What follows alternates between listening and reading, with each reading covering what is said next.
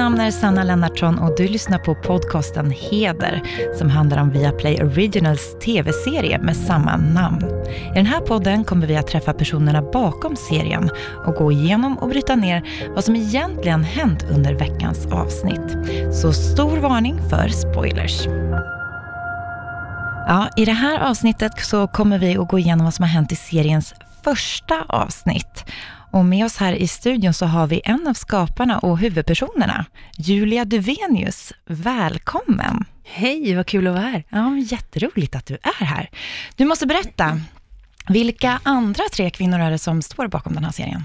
Som exekutiva producenter så är det Sofia Elin, Alexandra Rappaport och Anja Lundqvist och Birgitta Wenström då som är producent. Mm. Så det är vi som står bakom serien från början. Och tre av er ser vi ju faktiskt som skådespelare, som huvudpersoner i serien också. Ja. Det är du och Alexander Rappaport och Anja Lundqvist. Men Sofia Helin ser vi ju inte. Berätta vad hon har för roll i den här produktionen. Hon är exekutiv producent och hon kom med idén. Vi jobbade länge med ett format som var lite olika format helt enkelt. Med idéer som var thrillerbaserade eller komedier eller drama. Och sen kom hon på en dag det här med fyra målsägande beträden och hedertemat och vem är offer, vem är förövare? Vilket är våran grundbult i frå frågeställning i serien. Och vi andra gick igång som tusan. Det var fantastiskt. Ja. För det här, det var ju inte igår precis som det här hände. Det här var ett tag sedan ni har klurat på den här serien. Ja, ändå så gick det ganska fort. Birgitta då som är producent, hon sa på en gång, vi måste rulla igång det här så fort som möjligt, för alla processer tar tid. Och så här fick vi in manusförfattare och regissör och ja, det, det, var, det var en lång process, men ändå så gick den ovanligt fort om man jämför med andra processer man har varit med om. Varför tror du att det gick så fort då? Var det för att ni var så taggade? Vi var taggade, vi fick på kanal väldigt tidigt och eh, arbetet gick, gick framåt och eh, blev liksom större och större. Så det var väl därför sen att vi rullade bollen hårt framför oss.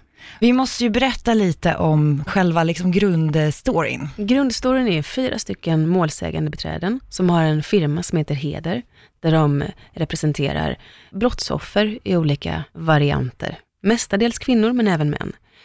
Deras firma går bra. De har en bra kommunikation med media och eh, de, är, de är framgångsrika, helt klart. De studerade tillsammans i Uppsala, läste de på juristlinjen. Aha, det här mm. har ju inte jag förstått Nej. nu när jag sett första avsnittet. Nej. Men man ser ju att de har ett väldigt tajt band, att de är väldigt nära vänner. Ja, och där pluggade de ihop och var vänner, men där händer också saker som de har gjort allt för att dölja. De har ett ganska mörkt förflutet ihop. För när jag börjar, när man börjar se den här serien, alltså första avsnittet, första scenen, det är otroligt pang på ganska starkt. Det här är ju en, en thriller, dramatriller. Verkligen. Och man förstår ju knappt, det, det händer ju någonting, det är som ett bål och de bränner någonting. Man kan ju ana att det kanske ligger en kropp i en säck, men man vet inte riktigt och de står där och jag kände bara så här, är det här framtid? Är det dåtid? Är det... Och så blir man släppt där sen ja. och, och, vet inte mer. Nej. Vad kan vi säga om det då, utan att... Men det, du, du ställer frågan så bra och jag tänker att det har lite med hela gåtans lösning att göra, så att den sparar vi. Det är så uh, taskigt. Det, ja, det är så skittaskigt. så bra cliffhangers, man vill bara... Det är jättetaskigt. Men man får, man får en liten pusselbit för varje, varje episod. Mm. Det kan man ju säga. Det har ju det som varit utmaningen och det roliga med thrillerformatet. I en dramaserie kan man säga, men den bågen funkar inte riktigt. Men i en thriller så måste man först ha det helt solitt med alla trådar och väva ihop allting på ett snyggt sätt. Mm. Så det har varit ett mastermind så, som jag inte var beredd på, för jag har aldrig skapat thriller förut. Jag känner ju också så här, har vi fyra skapare och många andra kvinnor däromkring, som du säger också, eh, Birgitta Wenström som mm. också är producent, alltså det är ju ett bra gäng starka kvinnor med skinn på näsan, som mm. skildrar fyra stycken starka kvinnor med skinn på näsan. Hur var mm. det arbetet att få jobba med en sån typ av serie?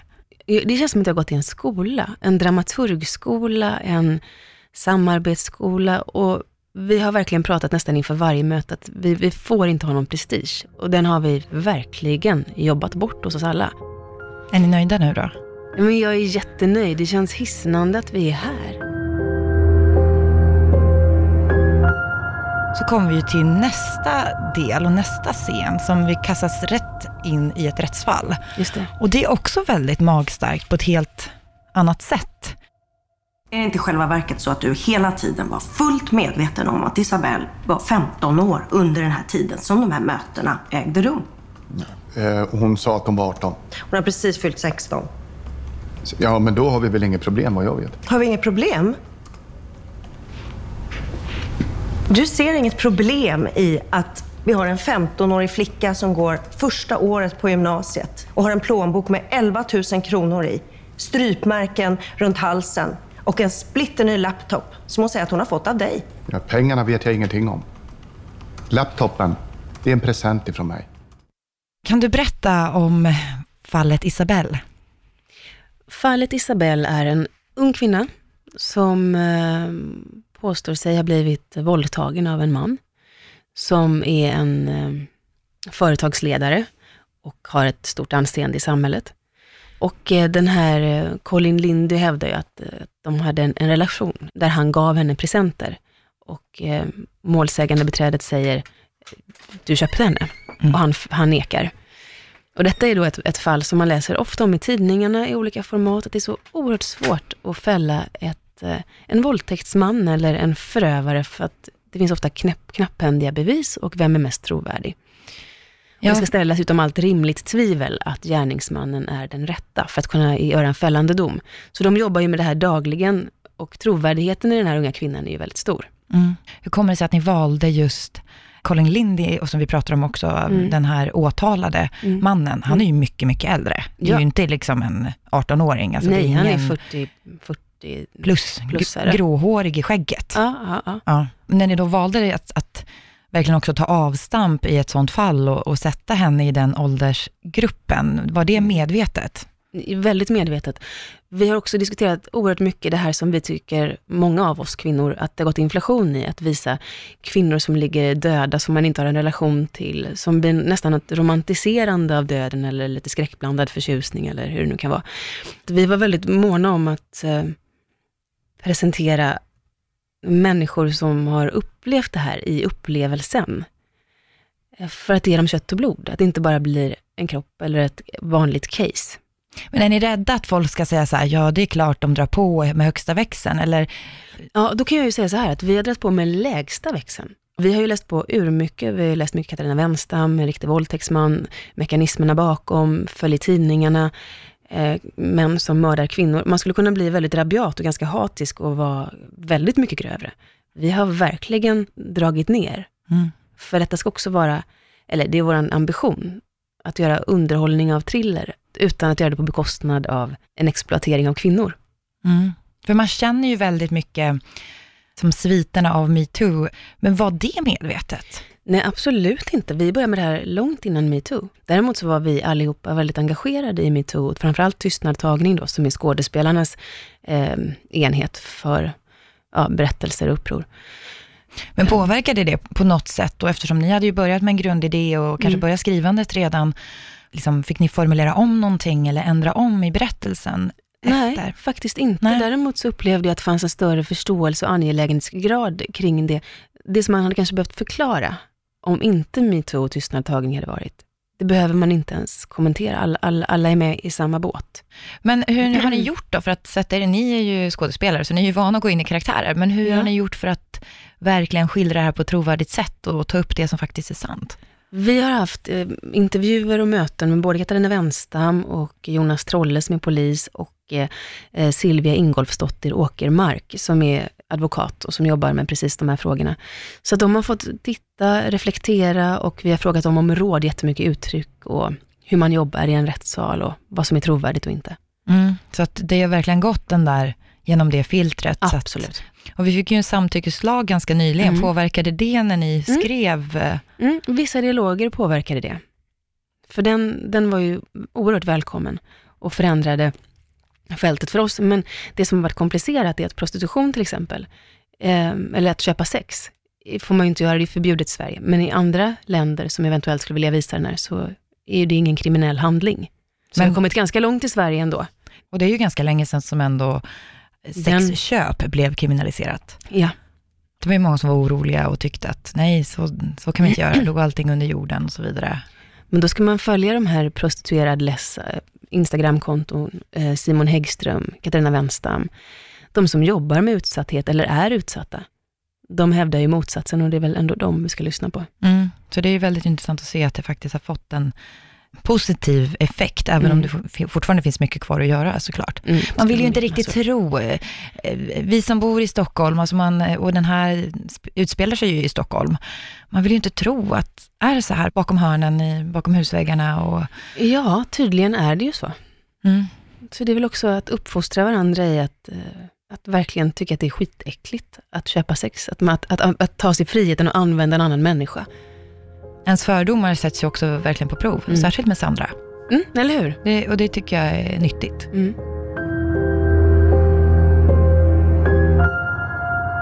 Det finns ju en scen Mm. där de sitter på ett café Mm.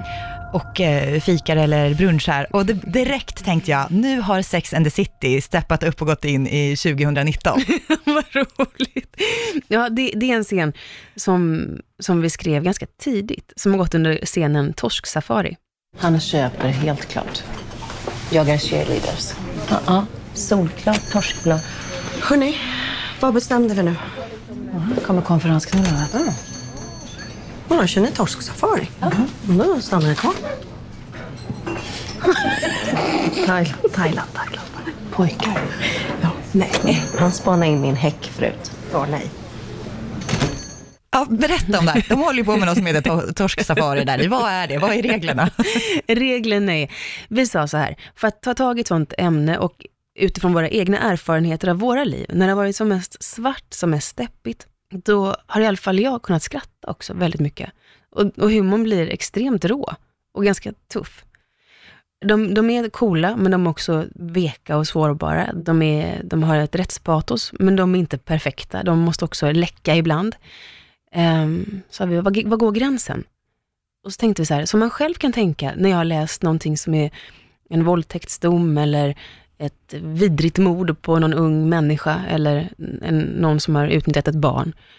Alltså man, man vill ju bara skrika och till slut börjar man se förövare överallt. Och de har gjort det till en lek. Så de börjar så här, ja han då, kan han vara, han köper nog sex. Nej men han, ja men typiskt Thailand. Det är unga pojkar. Nej, nej, han kollar in mig. Alltså, och och vi, ger- vi, vi, vi avslutar ju inte med att vi får en, en rätt eller får en punchline. Tvärtom, vi drar ju ner brallorna på de här kvinnorna.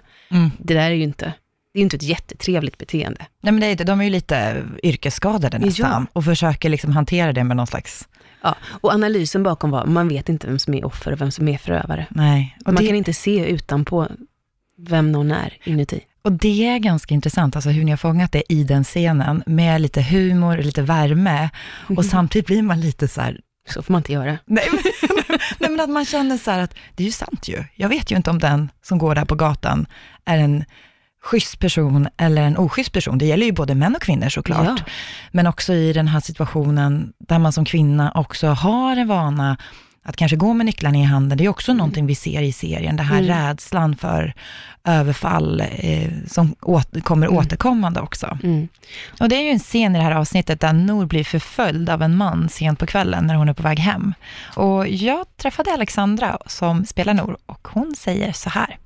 Det kanske är så även för män. Vad jag har förstått efteråt så var det flera killar som bara, ja men vadå, jag går också med nycklarna mellan fingrarna som ett knogjärn. Men det här med att man liksom försöker gå över på andra sidan gatan eller andra sidan trottoaren och man känner sig förföljd och man är ju livrädd för vi är ju alltid i ett fysiskt underläge när det kommer till män. Och så är det ju den här sekvensen när Nor går och någon idiot går bakom henne och hon ökar på och tror att hon är förföljd. Och jag tycker att det är en sån jäkla bra situation för den berättar så mycket om våran, den värld vi lever i och den verklighet vi måste förhålla oss till. Och så är det ju verkligen, och hon slår ju ner den här Ja. personen sen. Han har inte gjort någonting. Nej. Mm, så sa Alexandra. Vad tänker du kring det Julia? Där tänker jag, eh, för som kvinna, vi känner igen det allihop. Alla känner igen att, att vi är extremt medvetna om att den absoluta majoriteten av kvinnor är underlägsen en man fysiskt. Så vill någon skada mig så är det bara fritt fram. Det tror jag är, en, är någonting som, som är svårt att förklara för någon som inte har känt det. Mina, mina liksom mer uppläxande dagar så tänker jag, vad skönt, nu kanske män förstår att man kan inte gå bakom en kvinna på en mörk gata för att hon kommer att bli rädd. Mm. För det kan vara någonting som är väldigt farligt. Mm. Och också att, att man kanske som man då inte ska ta illa vid sig, för det är inget Nej, personligt. nej. Det är verkligen ingenting personligt, utan det Verkligen är, inte. Det är ju en, strukturell eh, känsla som man har fått bära med sig. Ja, Men det finns ju också väldigt trevliga män i, i serien, så det är ju inget, eh, eller det kanske inte finns, jag vet inte, jag har ju inte, du har bara sett ett jag har bara sett början Jo. här nu.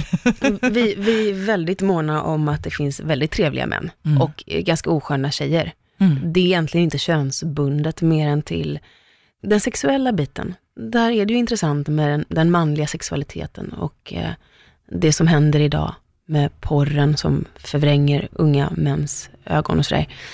Den ligger kanske mer på männen, men, men det är ju inte bara män som är assholes, det är rätt osköna damer Nej, här det är också. det jag gillar också med torsksafarit, att Mm. de blir lite så här, Osköna. osköna, ja. Ja. på gränsen nästan mm. sexrelaterad liksom humor, som man så ofta vill liksom bara märka att det är bara män som gör det, alltså sätta den epitetet på män, men det är ju faktiskt inte sant, utan Nej, men, det, det var också en, en av värdegrunderna som, som vi ville förmedla som ett, som ett underliggande, eller som var min vision kanske snarare.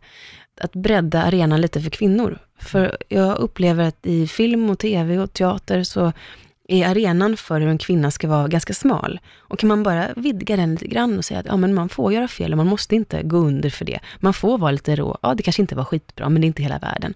Att, att, bara, att bara göra så att den här smala, tunna, tunna linjen blir något bredare. Eva Rösa har ju sin karaktär Karin. Ja. Och där märker man ju också ganska tidigt i första avsnittet så sitter hon med på ett styrelsemöte Mm. som också då täcker upp eh, heder Mm. och eh, heders existens. Och, och jag förstår ju då att det här är ju Karins mamma som är någon slags matriark. Ja, Birgitta ja. Birgitta. ja. Mm.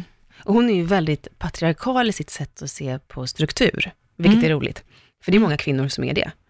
Och Heder ligger ju som ett dotterbolag till det här Stens huvud, som tjänar de stora pengarna, som handlar om business, juridik och Heder är deras lite goodwill-projekt. Så det går bra för Heder, men inte tillräckligt bra ekonomiskt för den styrkan av personal de behöver ha för att kunna jobba med de här casen.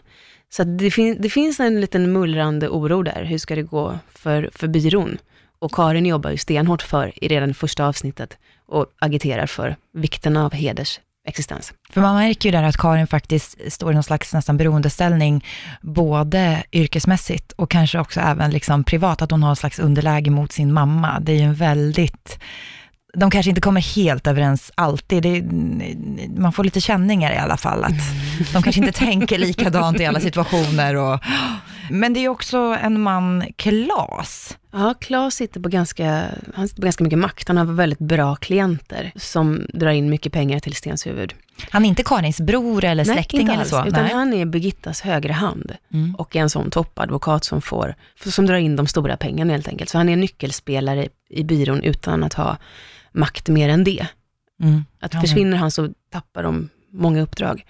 Jakob Eklund som spelar den rollen. Det är knappt, Fantastisk. knappt man känner igen honom höll jag på att säga. Lite längre hår och de Ja. gula glasögonen. Nej, han, han, är så, han är så högt upp i hierarkin så han kan ha på sig vad han vill. Ja.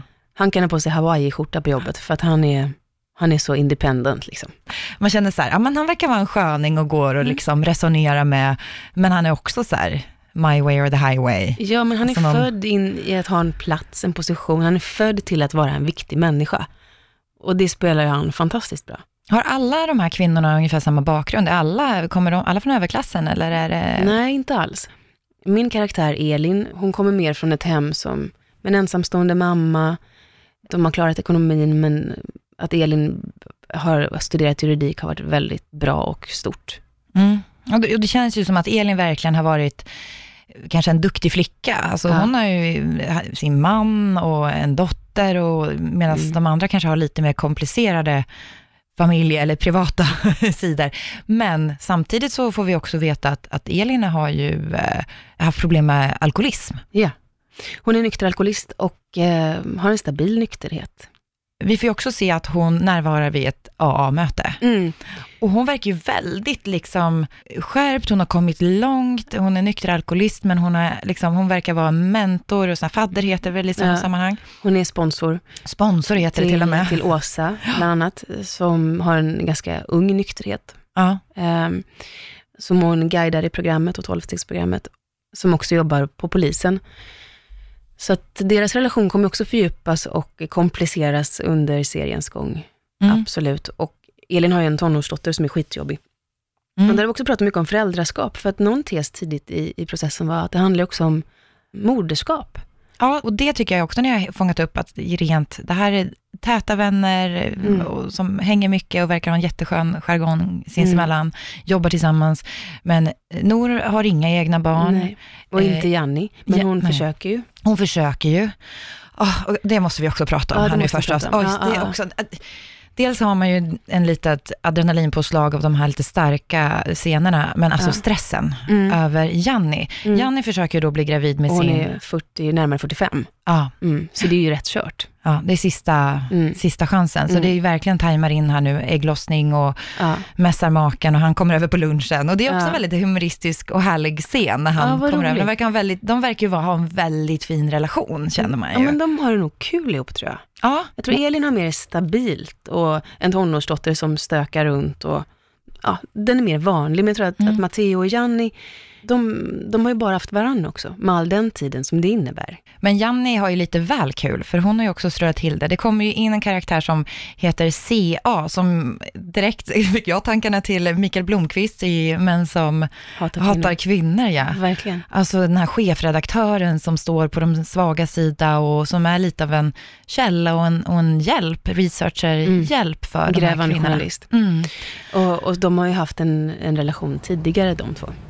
Jag har saknat dig. Jag kan inte, jag kan inte. Fan, jag kan inte. Okej. Så vet man ju inte så mycket om, alltså, har det varit en lång relation eller bara något mer av en fling? Det, Ja. det känner ju jag som tittar att jag inte riktigt förstår. Nej. Däremot förstår man ju att det har varit väldigt hett emellan dem och Ja. har funnits en väldig liksom, kemi. Jag tror att det uppstod en passion Mm. när Janni var ihop med Matteo. Mm. Och Matteo vet om det. Ja, han känner till den här Ja. eh, affären. Ja, ja. Så hon får ju då i uppdrag, här i första avsnittet, så får hon i uppdrag att prata med Sia. Det var ju schysst tjejer. Mm, ja jättebra. Skicka henne i famnen på honom. jättebra. För det är precis det som händer. Hon har ju också då ägglossning på den här dagen, har Mm. skickat hem sin man Mm. och sen så ligger hon med sin före detta älskare. Ja. Och- ja, det är inget bra. Nej, det, det är stökigt. det, det, det, det, den, uff, vilken ångest. Men hon är ju som du säger, hon är ju väldigt lätt, hon är ju lätt sinne, så att hon, Ja. hon hanterar det ju, men sen skakar av sig det ganska Ja. Alltså hon försöker inte, hon pratar inte om aldrig det med hänt. sina vänner. Nej, Nej. det har inte hänt. Det man Nej. inte vet om, det, Har man det inte man ont av. Ja, det har man inte ont av. Ja, men precis. Men CA är ju då, han verkar ju ändå vara en väldigt eh, sympatisk person, Mm. som verkligen vill hjälpa. Han har något knäck på gång, Ja. ett skop, och han vill inte säga för mycket till Janni. Nej. Sen händer det ju eh, också, kanske den värsta scenen, den mest Mm. obehagliga scenen, när han sitter och jobbar på kvällen Ja, just det. och det börjar banka Mm. på rutorna.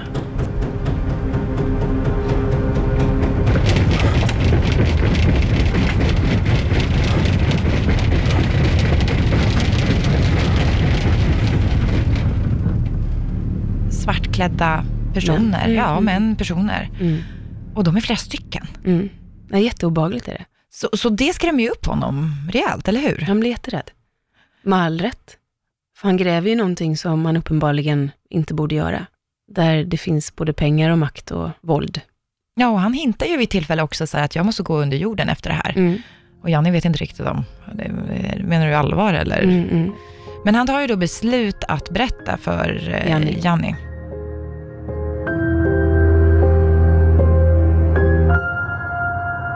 De håller ju på och, eh, med det här fallet Isabelle, Ja. som vi börjar då med i tidigt.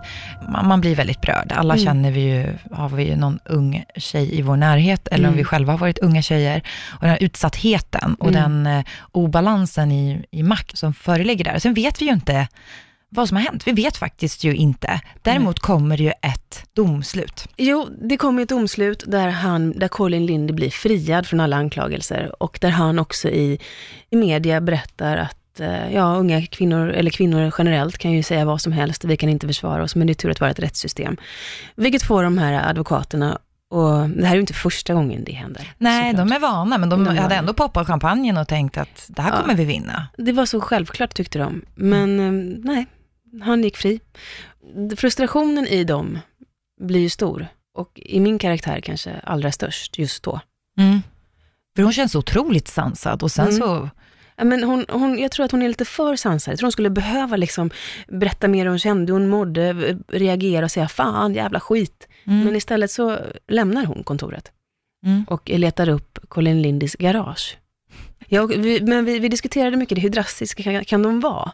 Mm. Hur, hur, hur långt utanför lagens ramar kan de gå och hämnas. och hämnas? För det, det är ju egentligen en ganska snäll hämnd. Mm. En sak som jag tänkte på där, och Mm. det här kanske bara är en liten detalj, men jag undrar om Mm. fler eh, har tänkt på det.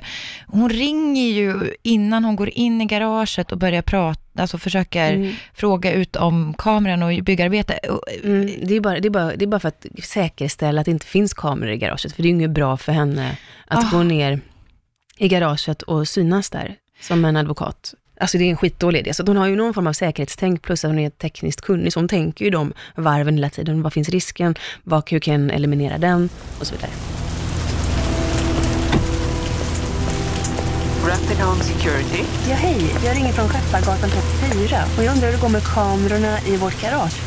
Eh, ett ögonblick.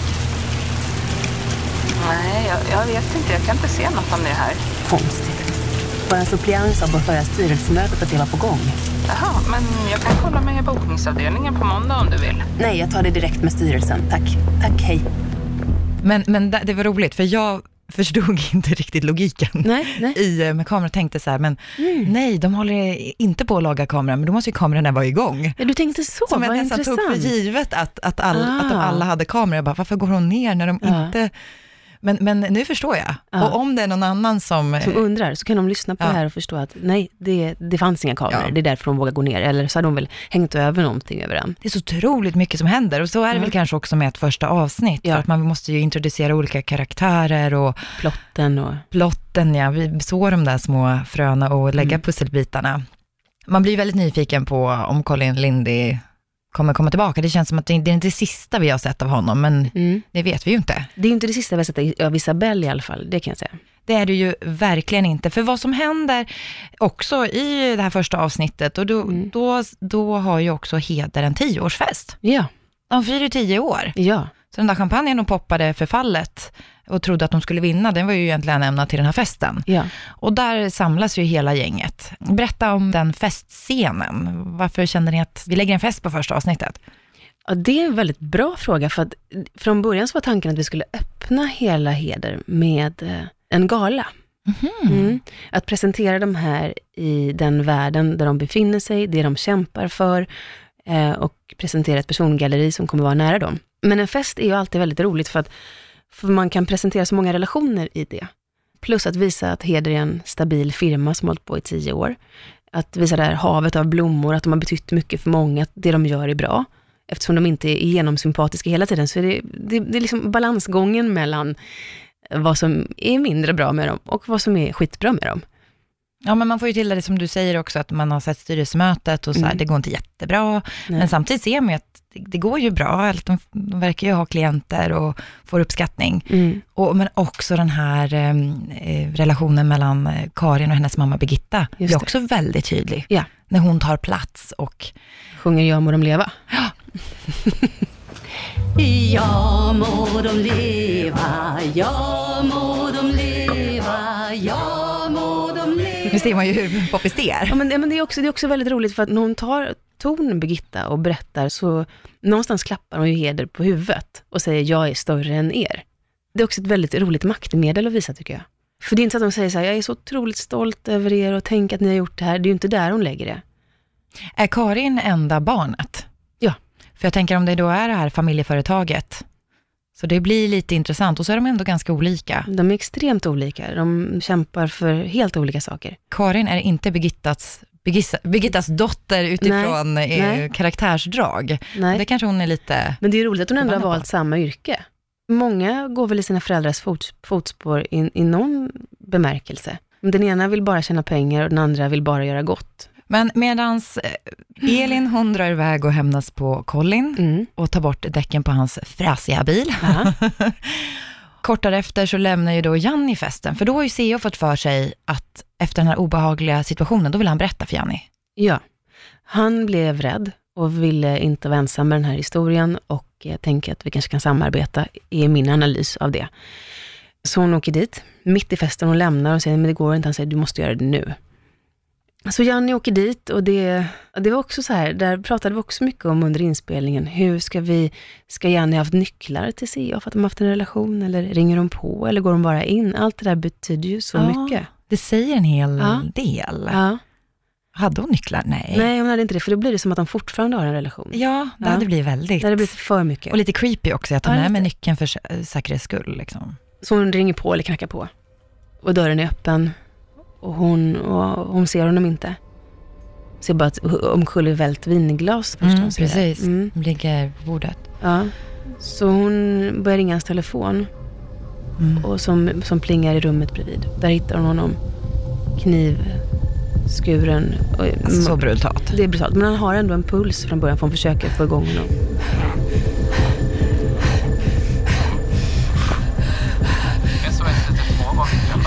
Min man har blivit...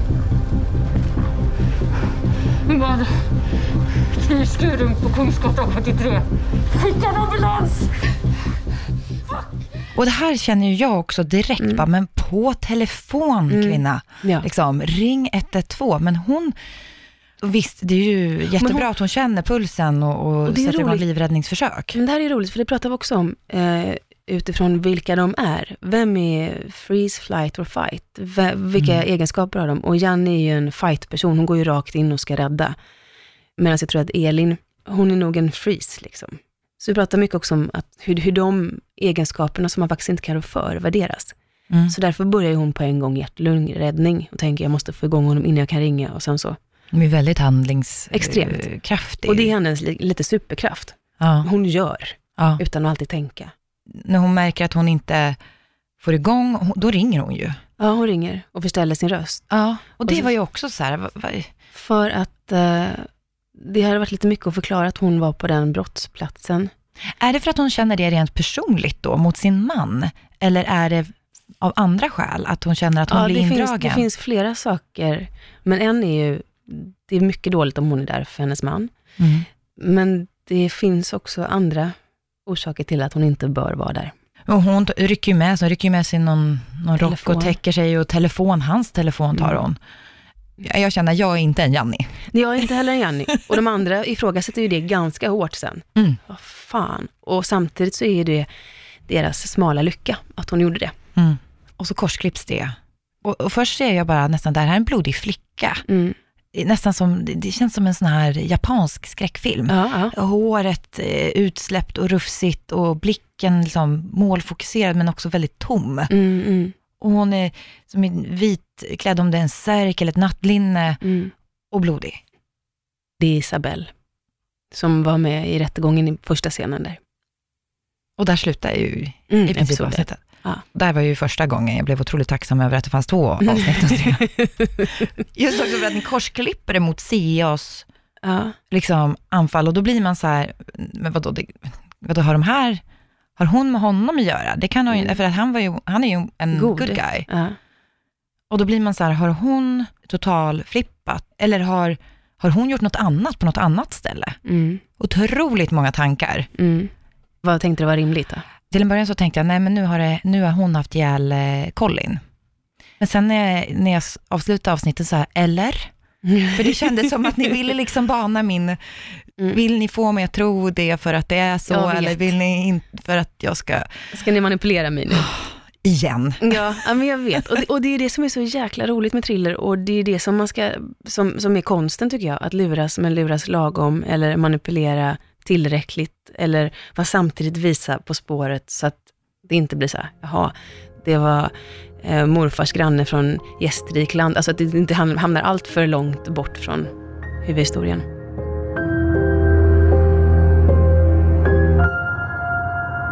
Det är en karaktär till som ni har introducerat här i det här första avsnittet. Ja. Och det är ju en tjej som vi sen får reda på heter Sandra. Ja, En ganska vanlig tjej, ja, kanske i 20-årsåldern. Ja. tjugo- ja lite plus. Har lite plus där, 20-30. Mm. Hon verkar ha ett vanligt jobb på ett Mm. spa, men hon verkar också ha en, en annan sida. Mm. Och apropå det här du säger, man ser inte på utsidan vad folk gör. Gör. Berätta, vad kan du berätta om Sandra så här i, I början av i serien. början av serien? Ja. Sandra säljer också sex. Och Mm. eh, är en ganska trasig tjej. Och hon får upp ögonen för heder. Ja, för hon står och tittar på något eh, klipp där Ja. på, på Nor, som Mm. är Alexandras karaktär. Som Och- delar ut pris på en gala. Precis. Mm. Och då är det också ett citat Mm. som är så otroligt känt. Mm. Kvinnor som vill ligger inte still, Katarina Wenstam. Briljant. Men eh, är det liksom en liten hyllning till Katarina? Absolut. Det är verkligen en hyllning. Hon har varit en stor inspiration. Nour lite, hon är ju en väldigt, hon är den offentliga, Ja. eh, alltså ansiktet utåt. Mm. Det känns ju som att det finns personer som hon kan ha inspirerats av, alltså från verkligheten. Är det så? Har ni tagit lite inspiration? Ja, och alltså många, det har ju blivit flera byråer nu som, har, som försvarar brottsoffer. Mm. Mats Fritz är väl den mest kända. Ja, Inte så att vi är åh, en copycat på henne, utan mer, mer inspirerad av deras arbete. Mm. Absolut. otroligt roligt att ha det här Julia. Men superkul att vara här. Första avsnittet av Heder, ser verkligen fram emot säga, avsnitt två som fortfarande som ligger ute, så har ni inte Mm. sett avsnitt två, så kan man ju verkligen gå in och titta på det, för det kommer ju samma, släpps på samma dag. Och sen så får ni lyssna på avsnitt två av podden, så Just går vi det. Så går vi igenom allt igen. igen, på ett helt annat sätt. Ja, roligt. Men tack så mycket. Tack. Produceras av I Like Radio. I like radio.